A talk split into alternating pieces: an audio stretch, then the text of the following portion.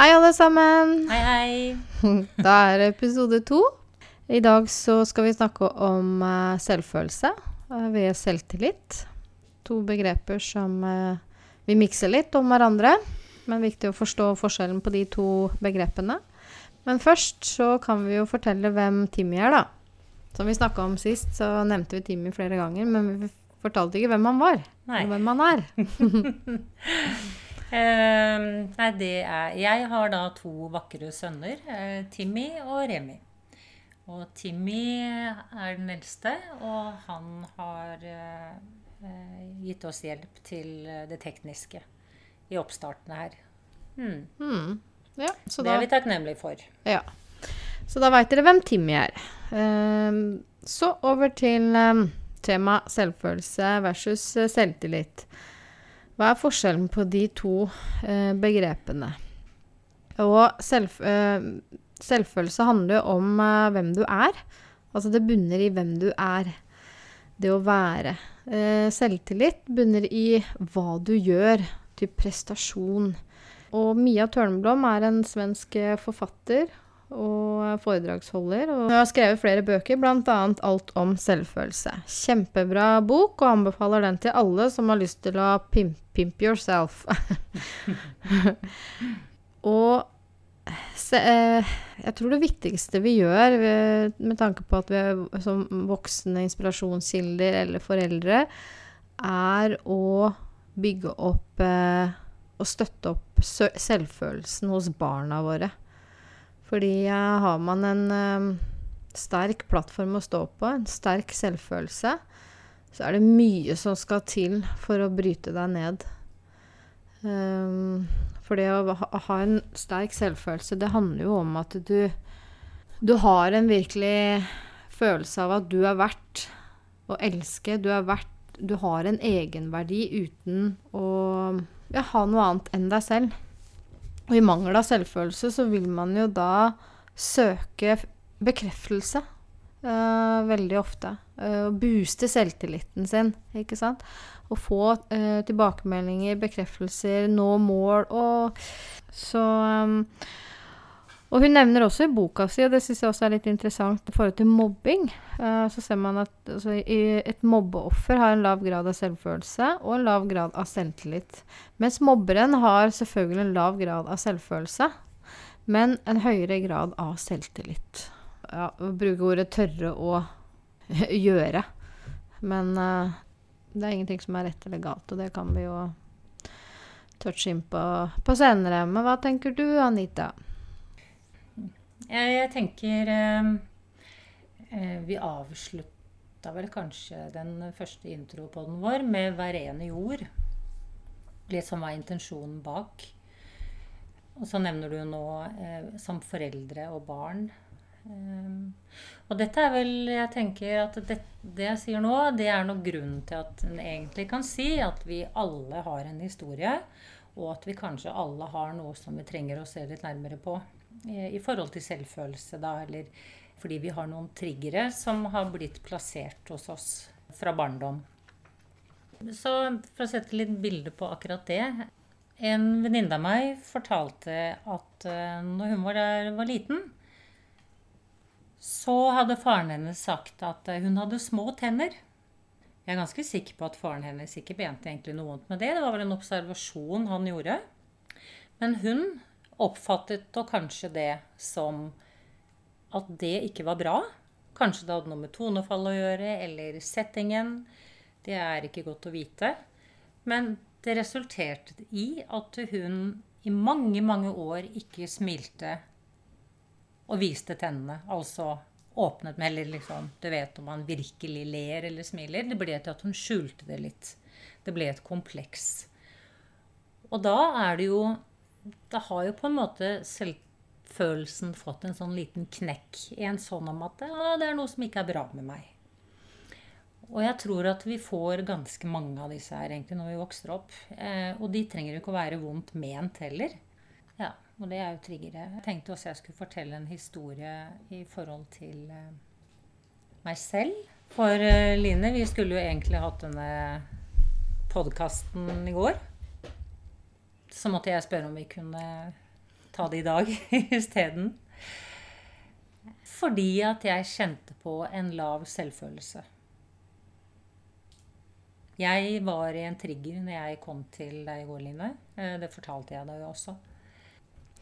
Jeg merka jo det i går eh, når du kom, Anita, at du, du, var jo litt lav. Flat, rett og slett, i energien. Um, og ja, du fortalte jo om uh, møtet med, med, din far, som du nå skal fortelle om. Mm. Og um, hvordan det egentlig hadde trigget uh, gamle gamle historier eller gamle følelser i kroppen din. Så vi endte opp med å ja, ble enige om at vi tok eh, podkasten eller episoden i dag. Mm. Mm. Så um, kan du fortelle, da? Hva? Ja, eh, jeg har da en far som har vært eh, syk en god stund. Og i den siste tiden så eh, har det egentlig ikke vært så veldig hyggelig. Han eh, ja, han har eh, sagt ting, ment ting, eh, hatt kanskje en måte å være på som eh, har vært lite hyggelig. Men jeg vet jo eh, gjennom arbeidet jeg driver med og gjør, at det har egentlig ikke noe med meg å gjøre. For det er nå engang sånn at alt er jo energi, og det som er på innsiden, det kommer ut. Så det er jo fordi at han har det ikke bra. Han er eh, trist over livssituasjonen. Han er nok deprimert. Han får jo ikke levd livet sitt som han ønsker. Så det er jo sikkert mye å kjenne på. Og det er det jo sine nærmeste man skal ha det, heter det vel. Så da har det vel kanskje blitt litt at jeg har fått ta imot det. Men jeg vet jo at det med meg gjøre, så jeg Men allikevel så gjør det jo vondt når det blir sagt eh, perso personlige ting eller ting som ikke er eh, føles bra.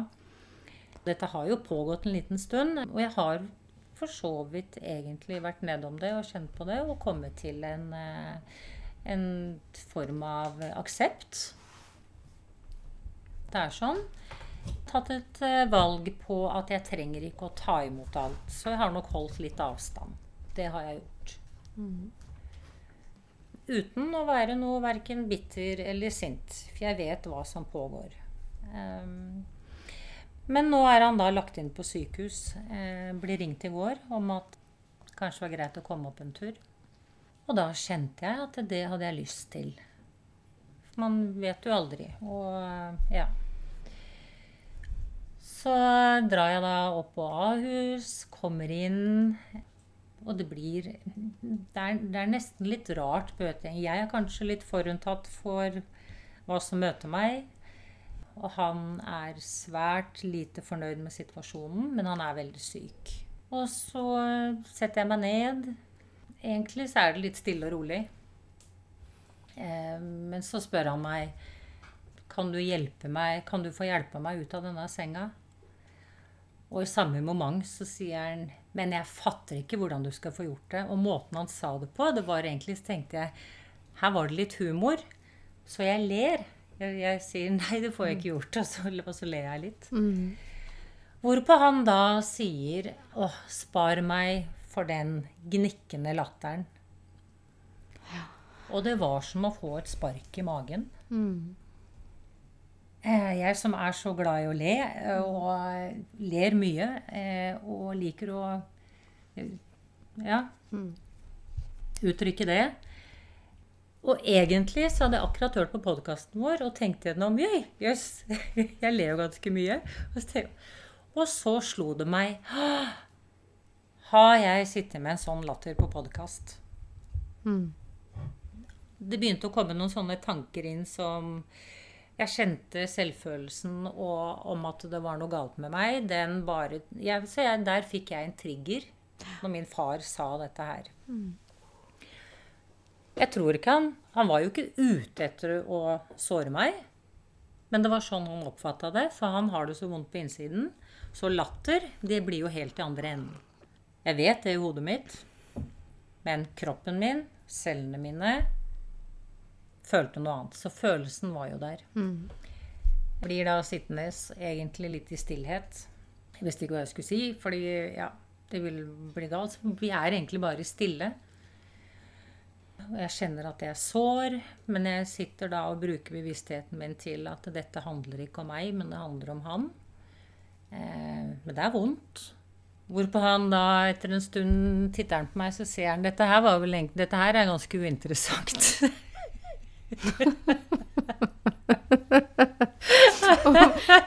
og når jeg tenker på det nå, så er jeg jo helt enig. Det blir jo helt merkelig å få besøk. Og så sitte der i det, var, det var ikke rom for noe ord.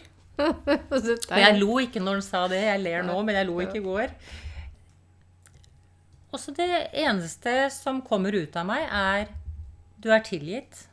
Nei, nå skjønner jeg ikke hva du prater om, svarer han da. Og så kan man jo si 'saved by the bell', for da kom, kom legen inn, eller sykepleieren inn, og det var middag. Og så ble det jo sette han opp og ja, skulle spise, og så plutselig så løsnet ting på en måte. Så ble det til at jeg satt der under middagen og hjalp han med det, og ja. Og så skulle han sove litt og sånn, og så var det 'ha det bra, vi snakkes, god bedring'. Ja, dere vet. Alt som er ha det-situasjonen. Snakkes i morgen. Og så kom jeg da hit. Og så kjenner jeg at jeg er flat. At det er, og jeg merker det også på Husker du jeg nevnte stemmen min? Mm. Jeg kjente når jeg prata, at jeg satt og prata sånn høyt oppe. Jeg hadde ikke kontakt med, med kroppen eller kjernen min.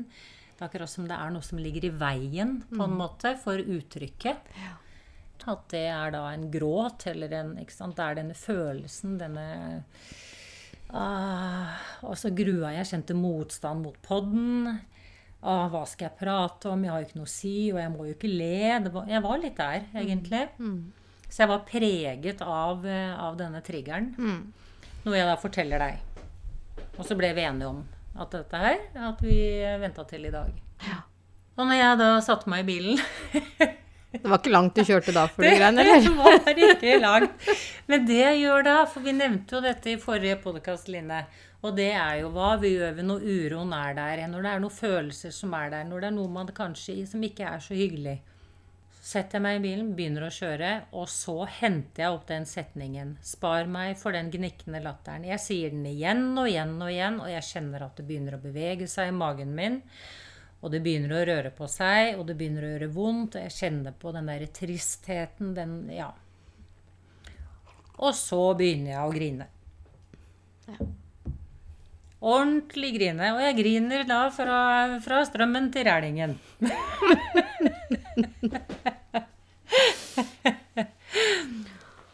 og jeg, jeg, vet hva som pågår. Jeg vet det ikke handler om meg, men kroppen min, cellene mine, trenger å forløse dette. For det ligger der, og det, det er, det, disse triggerne holder oss nede. Ja. Og det som er så fantastisk med å møte det, la det få lov til å komme. Det er så deilig. Det er liksom eventyrene at når, når trollet kommer opp i lyset, så sprekker det. Ja. Så kommer jeg hjem, da, og kjenner at hm, jeg faller til ro. Legger meg. Har en god natts søvn. Og i dag tidlig så våkner jeg altså opp til strålende solskinn. Og jeg kjenner at jeg er på plass igjen. Mm. For denne proppen som satt der i går kveld, den har løsnet. Og da kommer kreativiteten og gleden. Så det jeg gjorde i dag Jeg startet dagen min med Jeg har sånn kvarter med yoga om morgenen. Vekke kroppen opp. Tok en deilig kopp te og en kaffe. Og så gikk jeg ut. Jeg bor i et fantastisk fellesskap ute i skogen ved vannet. Eh, og der har vi også sånn lite påsand, heter det. Et lite hus hvor vi har mulighet til å trene. Og, og da gikk jeg dit, satte på meg airpodsa og løp litt på tredemølla. Jeg har danset. Jeg er jo også instruktør i dans og bevegelse. Finnes jo ikke bedre. Alle burde jo danse litt hver dag. For bevegelse, det er jo å slippe løs all gammel energi i muskulatur. Hvis du danser bare sånn som du har lyst til å danse, bare mm, gønne på, så gir man jo slipp. Det er jo det dyrene gjør når de rister seg. ikke sant? Hvis du har vært gjennom noe som så det ikke fester seg, beveg deg. Og gjerne intuitivt. Ikke etter et program, men intuitivt. Så jeg har hatt en fantastisk dag. Eh, kjørte innover hit til deg, Line. Sang. Og det deilige er at nå, hvis jeg sier den setningen til meg nå Spar meg for den gnikkende latteren. Så kan den ikke røre meg. Det skjer, det er helt stille vann på innsiden. Og jeg vet at nå har den delen, den blokkeringen, nå er den løs. Den har sprekt. Det er litt med, det, Den forteller jo litt, fordi i går var jo selvfølelsen min lav. For jeg hadde en trigger. Og jeg tror vi har disse triggerne, og hvis vi tør å møte, så blir vi fri. Mm. Fordi at de hindrer oss. Fordi disse, de, det blir jo sånne propper som ligger over kreativiteten og det å uttrykke seg autentisk og tørre å bevege seg fremover. Tørre å gjøre noe annerledes. Tørre å tenke større. Tørre å være den du er, da. Mm. Så derfor så er det jo viktig å tørre å møte uroen og tørre å rette blikket innover. Det kan jo virke meningsløst akkurat mens man står i det. For da har man ikke lyst til det i det hele tatt. Men når man vet det Det er så verdt det. Ja. Ja. Takk. Den ble lang, den der, men eh, ja. Ja, men jeg syns det er kjempe en, en vakker eh, historie. Og jeg tenker jo at det er jo ingenting som er tilfeldig. Og jeg hadde jo Dette temaet hadde jeg i hvert fall tenkt før den hendelsen med faren din. Mm. Så um, jeg tenker at den kom egentlig helt perfekt. For den historien du forteller nå, det er jo akkurat det det handler om. Ikke sant? Og at vi har sånne triggere som, som, som treffer oss. Og det ligger eh, i barndommens historie. Å reise gjennom livet, så opplever vi ting som preger oss og farger oss.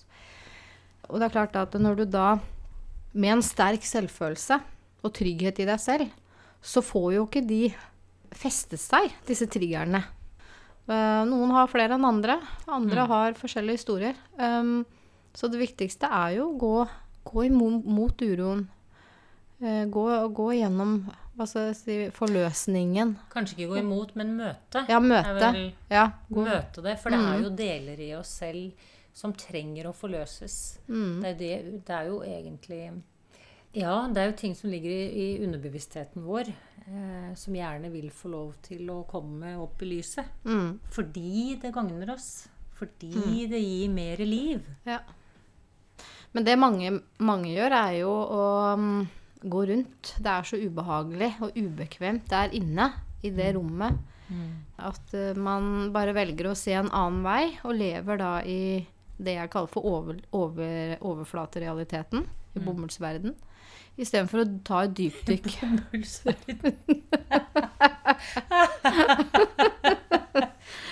Det er nytt ord, det har jeg ikke hørt. Nei.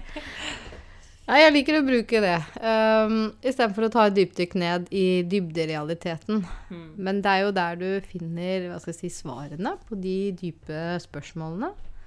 Det å stå på terskelen til rommet uten svar, egentlig. Mm. Og tørre å gå inn der. Det er eh, berikende, altså, for, eh, for alle. Alle følelser som eh, kommer til oss, har jo et budskap. Så vi må jo ta tak i dem og ønske de velkommen. Og med en sterk selvfølelse så kan man jo sortere ut hva, hvilke følelser og tanker som er eh, fruktbare. Og hvilke tanker og følelser som bare egentlig er en eh, Kommer fra en trigger. Ikke Mm. sant? Det er noe med det å skille disse tingene. Tenker, eh, man må jo ikke man, man må ikke møte det. Men hvis man ønsker å komme i kontakt med sitt potensial Mm. Eh, gjøre endringer, eller man føler at man står og stanger i dører eller i forhold, eller i, så er det jo gjerne veien å gå, da. For Ja. å finne fordi du sa det jo så bra. Denne klarheten i hva man bør gjøre. Ja. For de ressursene vi har som mennesker, de gode ressursene, kreativitet og ja, glede og uh, drive, de får vi ikke tilgang til hvis ikke vi uh, møter uro, møter triggere, møter følelsene våre. Det, det blir jo som å se på Man kan jo egentlig se på eh, kroppen sin som et, eh, som et hus. Tenke at det er et hus med veldig mange rom. Og så er det noen av de rommene som eh, man har lagt lukket igjen døra til, og eh, som er stengt. mm, Og mørke. Og kalde. mm. Veldig rotete. hva, hva man nå velger å se det. Så det er egentlig litt sånn velge å ta den oppussingen, da. Eh, Finne nøkkelen og åpne den døra. Sette opp vinduet, få inn lyset, få inn ny, frisk luft. Eh, vaske, ikke sant. Så det er litt sånn som å pusse opp.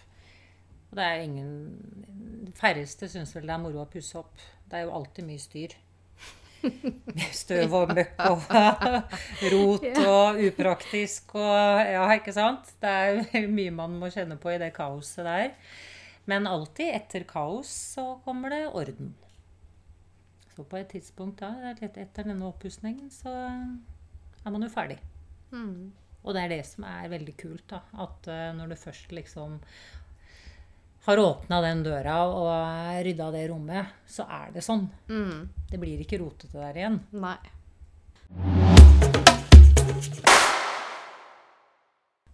Og du nevnte jo også tilgivelse. Det at eh, du tilgir faren din. Mm, absolutt. Og det er jo også viktig, og det er jo noe en gir en selv, og ikke nødvendigvis gir den andre og, og rettferdiggjør det som, som er gjort.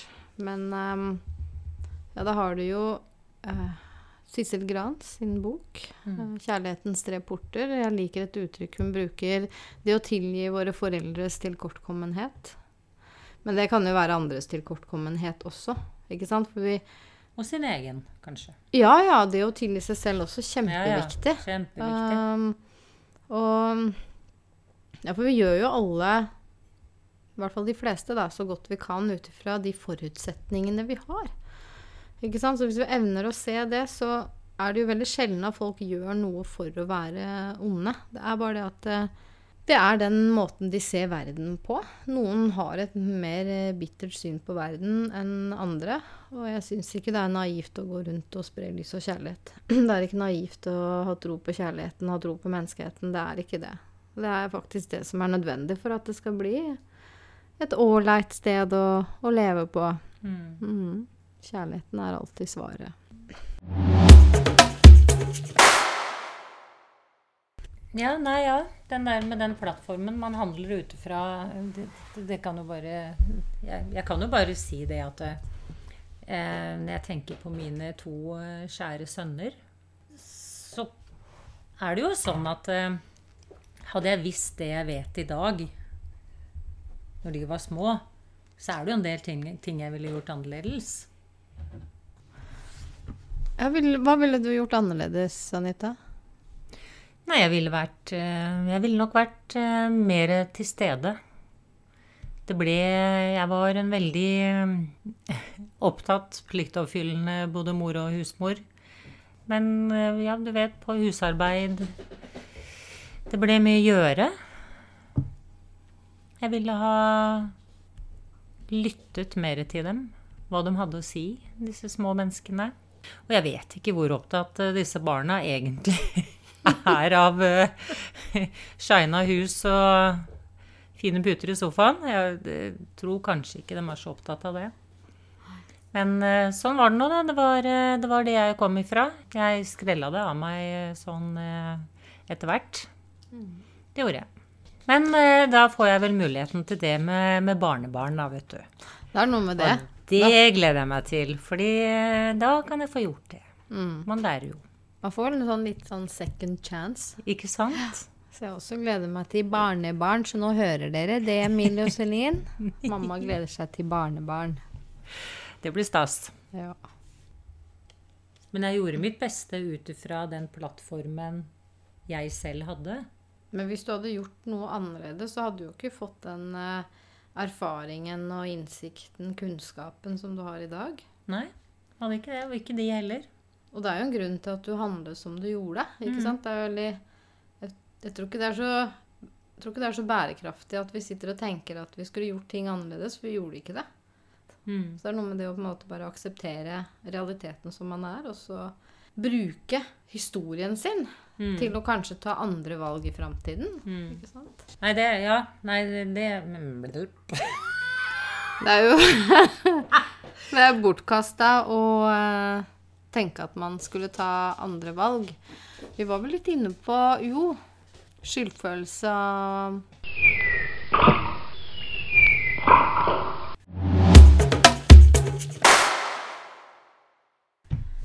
Nei, man kan jo ikke eh, Det er jo det som var den eh, tilgivelse til seg selv, da. Eh, Men det har også vært noe å gå igjennom. Kjenne på skyldsfølelse. Komme til tilgivelse. Fordi at man har jo vært den man har vært akkurat når ting mm, har skjedd. Ja. Og man har tatt de valgene og Ja. Så Men det er viktig. Og det er jo faktisk en del av historien. Både til en selv og de som har vært med på, på reisen. mm.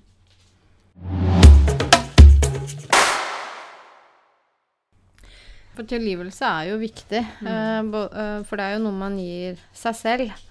Eh, det å tilgi en annen betyr jo ikke at man rettferdiggjør en eventuell handling, dårlig handling. Det er jo at man gir seg selv fri og sender den andre ut i lys og kjærlighet. For alle gjør jo så godt de kan ut ifra sine forutsetninger, med sine verktøy. Noen har mindre enn andre, og det har noe med hvilken historie vi har fra barndommen og vår reise gjennom livet. Og hvordan disse historiene og følelsene integrerer seg inn i vårt følelsesregister. Og Mm. hvordan vi blir seende ut. Altså om vi er bitre, sure, sinte, glade. Og så er det sårbarheten, da. Mm. Sårbarheten er jo Det var vel kanskje det Märtha hadde tatt opp på God morgen Norge i dag, var det ikke det?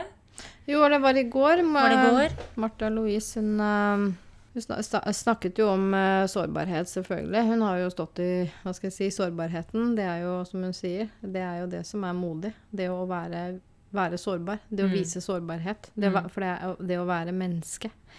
Og det at hun har tatt de valgene hun har gjort, eh, er jo styrke og modighet uh, i det. Og det å ja, ta valg som ikke er forventet at du skal ta i den si, posisjonen hun har.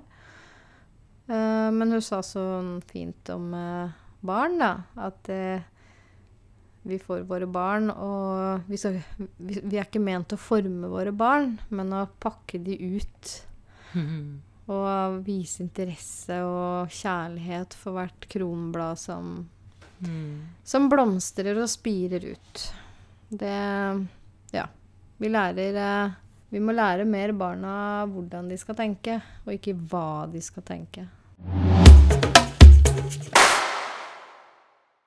Nei, for det er vel noe som er fundamentalt for oss alle sammen. Og det er jo å bli sett og hørt. Mm. Oh, For jeg- den, for den vi er. Ja. Og så har det blitt mye mer fokus på hva man har. mm, ja. Og det skaper jo mye ulykkelighet. Og det kan jeg si at eh, det er ingenting som er igjen annet enn det du har i hjertet ditt når du står ved terskelen inn til det neste steg. Dødens port, eller det å reise hjem. Er det, det er vel et ordtak? eh, Det er ikke lommer på likskjorta? Er det ikke noe som heter det? Den har jeg ikke hørt før, men den var jo litt kul, da. Men for all del, det, det er jo ikke galt å, å, å tjene penger og ha penger og eh, Ja. Nei, det kommer an på Så det er, det er ikke det, det jeg sier. Nei. Eh, Det er ikke noe sånn at man skal spare seg til fant. Men eh, Det handler om hvordan handler- man lever livet ja, ikke sitt. Sant? Og at eh, det er ikke det som skal være identiteten, da. Nei. Ikke sant? Man har en identitet ved å være den man er. Mm. og ikke Du, må, du skal få lov å si noen følelser etterpå, men først i forhold til det der at eh, Altså, vi Ja, vi vil bli sett og hørt og anerkjent. Det ligger veldig dypt i oss.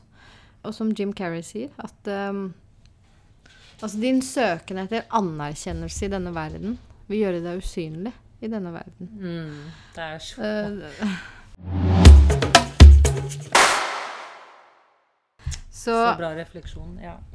men, uh, men jeg har lyst til bare et lite sånn uh, Hjalmar Sødberg har skrevet en bok som heter Dr. Glass.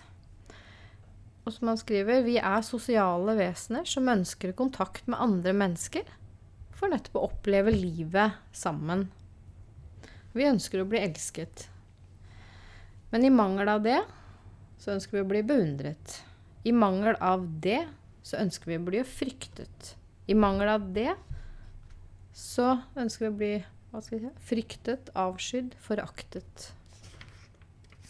Så vi ønsker jo da å vekke en følelse for enhver pris. Som han skriver, sjelen skjelver foran tomheten og ønsker kontakt for enhver pris. Så det kan vi også tenke på når vi møter andre mennesker på vår vei, og hvordan de handler. At det ligger noe bakenfor der. At det er eh, ofte mm, bitterhet, vondhet, sorg som ligger i bunnen. Så mm, det betyr ikke at vi skal gå til grunnene for det, og at vi skal hjelpe alle. Det er ikke det det er snakk om. Men det handler om at vi trenger i hvert fall ikke å være enda mer motstand i deres liv. Ja, ja, for det, eh, det, er jo, det er jo egentlig et tema i seg selv, dette her med speiling. Men faktisk er det sånn at når noen, hvis noen sier noe veldig stygt til meg, så handler ikke det om meg. Det handler om dem selv. Mm. Men så blir det Men det projiseres over på meg. Mm. Ikke sant? De vil Ja. slenge det over på meg istedenfor selv og så kjenne på det, hva som egentlig pågår. Og, under mye sin, sinne så ligger det alltid sorg. Mm. Folk som er ja. veldig mye sinte, det er, ofte- det er egentlig mye sorg på innsiden, men som de ikke da har kontakt med, selvfølgelig. Men, eh, og det er nå så. Igjen, man må ikke åpne disse rommene. Men det kan være hensiktsmessig Mhm. eh, i å kunne være den man vil være. For seg selv og for andre. Jeg tenker ehm, Alle følelser har jo et budskap. Og som du sa, under sinne så ligger sorg. Og, og jeg pleier å si det òg at eh, bakenfor en hard følelse så ligger det alltid en myk følelse. Og det er den vi må ta tak i. Det er den vi må ta til oss og få, blå, eh, få, få, få gjennom. I yogaen så bruker vi ord som en sånn virvel. At det skal virvles gjennom kroppen. For så å forene kropp, sjel og sinn. På en måte bli hel. Så alle følelsene har et budskap. Uh, og det er klart at eh, nei, vi behøver ikke å åpne alle rommene, men i den grad at de hindrer oss i å leve livet vårt fullt ut uh, og være frie, så bør vi nok ta et lite dypdykk inn i de uh, rotete rommene og rydde litt. Men på bakgrunn av det jeg sa i sted, da, med man må ikke, men det kan være hensiktsmessig. Men enda bedre er det jo at jeg vet at det fungerer sånn. Fordi at når noen er slemme mot meg da, så tar jeg det ikke personlig. Nei. Jeg kan, ta, jeg kan ta et steg tilbake, og så blir det ikke krig. Og jeg trenger ikke å være det. Jeg trenger ikke å være i den stormen. ikke sant? Jeg observerer det, vet at hva som pågår. Og jeg trenger ikke å gå inn i kamp med det. Fordi det er, det har, det er ikke mitt. Så jeg kan snu meg og gå. Nettopp. Og det er det en eh, sterk selvfølelse gjør for deg. Mm. Det er ikke så viktig for deg å be høyt og ha rett og Så vet jeg jo også at eh, det er smart av meg å forholde meg rolig. Jeg, kan, jeg har mer enn nok med, med mitt eget liv. Og løse opp i mine triggere og rydde mine rom, om jeg ikke kan gjøre det for andre også. Så jeg tar mine triggere når de kommer, og så søker jeg mest mulig å være i glede og harmoni ellers. mm. For det er der jeg holder meg frisk. Mm. Helt riktig. For disse følelsene har jo en stor betydning for helsen vår. Man kan se det fra eh, universelt, eller universelle lover eh, og spirituelt perspektiv, så er det jo Alt er energi, og det er da frekvenser. Dvs. Si at de innehar en høyere og lavere frekvens. Og eh, det er egentlig bare to følelser. Og det er frykt og kjærlighet. Og så har du undergruppen av de. Og under frykt, som er de da lavere frekvenser, så har vi sorg, apati, skyld, skam, bitterhet, angst, bekymringer. Og de høyere frekvenser så har vi jo opplysthet, harmoni, fred, glede, fryd, kjærligheten, kreativiteten. Her er jo friskheten. Mm. De lavere frekvenser så ligger jo sykdommer. Mm. Og så har vi noen tilstander sånn midt imellom, som sikkert de fleste gjengs er. Og så dukker vi litt opp og litt ned, men så er det litt av hvor er man, hvor søker man å være mest. Mm. Eh, og de sånn midt imellom, det er det å ha en grunn for det du gjør. Intensjon. Det å være i aksept. Vilje. Finne en vilje til handling. Være nøytral. Det var vi akkurat innom i forhold til når man møter noe som ikke er hyggelig. Klarer man å være nøytral, eller går man inn i kampen? Mm. Mot. Stolthet. Altså den sunne stoltheten. Den som er å stå opp i deg selv, være stolt av den du er. Være stolthet i yrket ditt, være stolthet i dine handlinger. ikke sant? Det er en, en, en ære i det. Anger. Anger i den grad at du kan reflektere over når du ser at dette her var ikke oppbyggende. Mm. Du, du kan angre på noe og faktisk si unnskyld. Være ydmyk i forhold til eh, hvis, noe, hvis du har såret noen eller gjort noe galt overfor en annen. Og lyst. Ha lyst til å gjøre noe. Og hvis du senker det jordet ned til litt sånn sakte, så blir det lyst. Så en veldig fin måte Vi er jo opptatt eller Det er mye plikter og to do der ute. Og dette, det er jo to ord som stadig går igjen. Og de er altså så eh, tungt lada for oss alle sammen. Og det er alt vi burde ha gjort. Og alt vi må få gjort. burde ja. og må. Mm. Å, jeg må gjøre det, og jeg burde ha gjort det. jo.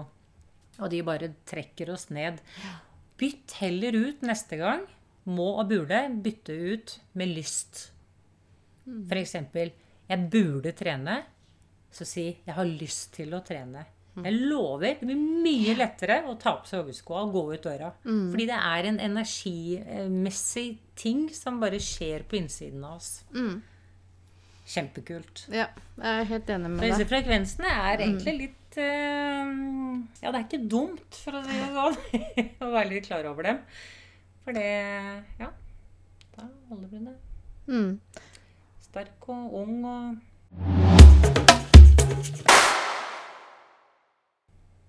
Det, det har jo noe med hva vi fokuserer på, mm. og hva grunnfølelsen vår, eh, vår er. Og det der eh, som eh, Det å evne å være takknemlig for ting. Og se mer det man har, enn ikke det man har. Vi ser jo nevroplastisitet. At vi kan eh, fyre liv i nervebaner og bygge nye nervebaner. Nye masker i hele nervenettet vårt.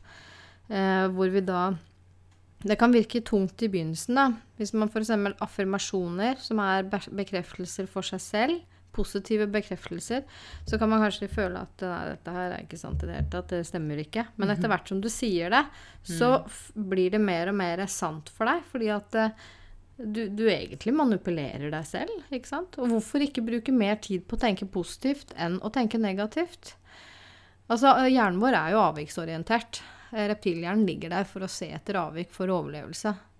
Men eh, dit vi har kommet nå, med, med vår nye hjerne, cortex, frontallappene og, eh, den utviklede hjernen vi har i dag, så er ikke det så fruktbart å gå rundt og se etter avvik hele tiden. vi blir syke av det, skjønner dere. Eh, for å si det sånn at eh, vi lever i fight or flight-responsen 80% av tida. Det burde være omvendt. Og stress er faktisk eh, den største årsaken til hjerte- og karsykdom. og hva skjer når vi er i altså, fight or flight? Det er jo stress. Mm. så ja. Vi har alt å hente på å komme oss ut av den. Og fokusere mer eh, på det positive. Vi skal komme tilbake til sånne affirmasjoner og øvelser seinere. Men jeg hadde lyst til å bare si noe om den derre kontrasten, da. Vi snakker om mindfulness, det å være sitt autentiske jeg. Um, tilstedeværelse, awareness, oppmerksomt nærvær. Det handler jo om å stoppe opp og bli kjent med seg selv. Og, og hvem, hvem er jeg? Hvem ønsker jeg å være? Hvilke verdier har jeg? Hva står jeg for? Når er det tiden som stiller for meg? Når er jeg mest på mitt glade, lykkeligste? Og det er jo kun Ja, vi kan godt sitte på en stubbe ute i skogen alene. Vi trenger egentlig ingen andre. Sånn egentlig.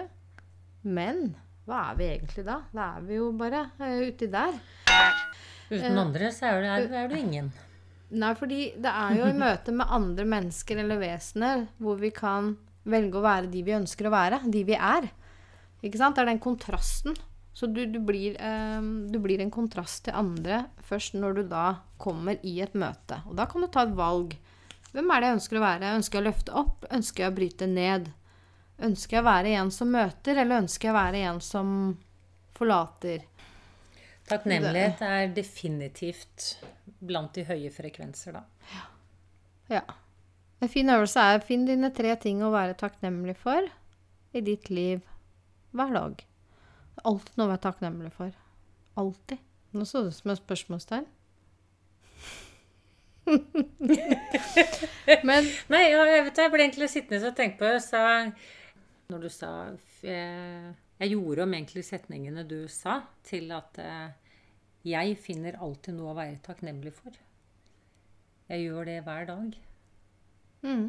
Kjenner på masse takknemlighet. Jeg går inn for det. Det aller beste stedet er å være i naturen. Mm. Hvor jeg virkelig går inn for å se på det treet. Se på himmelen. Ja.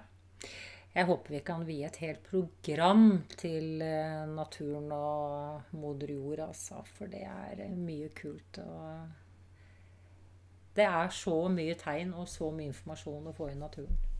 Mm. Jeg, er, jeg, jeg vil kalle meg et naturbarn. Definitivt. De som kjenner meg jo, vet jo at jeg elsker å være ute i naturen. Og du ser ikke meg løpe rundt med øreklokker i, i skogen. Det er naturens lyder som skal inn. Og særlig mm. nå når det er fuglekvitter ute. Mm. Det er jo så fantastisk.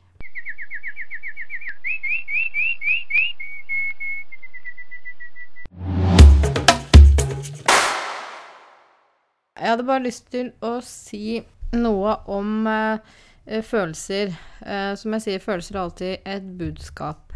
Og um, når noen sier noe til deg som du kjenner inni deg at det her er ikke greit Mens den andre Nei, men det var jo ikke ment sånn. Eller ja, men du må ikke sammenligne meg med sånn og sånn. Så er egentlig det helt ubetydelig.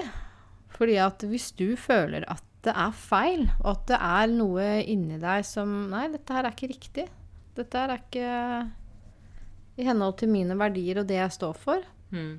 Så er det riktig for deg, og da må du handle ut ifra det. Mm. Og det er nok der vi snubler litt, uh, og går litt på akkord med oss selv. Og kanskje um, blir for lenge i situasjoner og forhold vi ikke skulle vært. Her kommer noen punkter, så kan du sjekke om selvfølelsen din trenger å trenes opp. Du føler deg som en bløff og tror at du snart vil bli avslørt. Du gjør ting for å vise andre at du kan, istedenfor å gjøre det du har lyst til. Du sammenligner deg konstant med andre og har det bare godt med deg selv så lenge ingen andre er bedre. Du går ofte omkring med dårlig samvittighet. Du ser ned på og baksnakker andre. Du er selvopptatt. Du er misunnelig.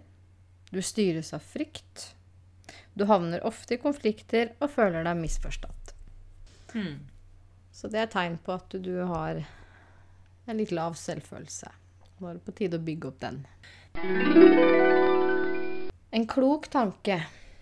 Vi må tro på at forandring er mulig for at forandring skal skje. Ja. Mm. Det var en god avslutning. Det var en god avslutning. Ja. Da takker vi for oss. Lys og kjærlighet. Moblena Bloom. Bloom kommer.